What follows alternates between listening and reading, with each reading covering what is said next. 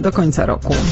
Do dentysty tylko raz w roku. Przeciętny Kowalski rzadko odwiedza stomatologa, bo się boi. Tak wynika z badania Wiedza Polaków na temat higieny jamy ustnej. Takie schorzenie nazywamy dentofobią, tłumaczy lekarz Roman Borczyk. Dentofobia to jest taki nieuzasadniony lęk przed wizytą w gabinecie stomatologicznym. To się objawia problemem z zaśnięciem, bólami brzucha, wilgotne ręce. Generalnie pacjenci obawiają się wchodzenia do gabinetu. Częściej na dentofobię cierpią mężczyźni.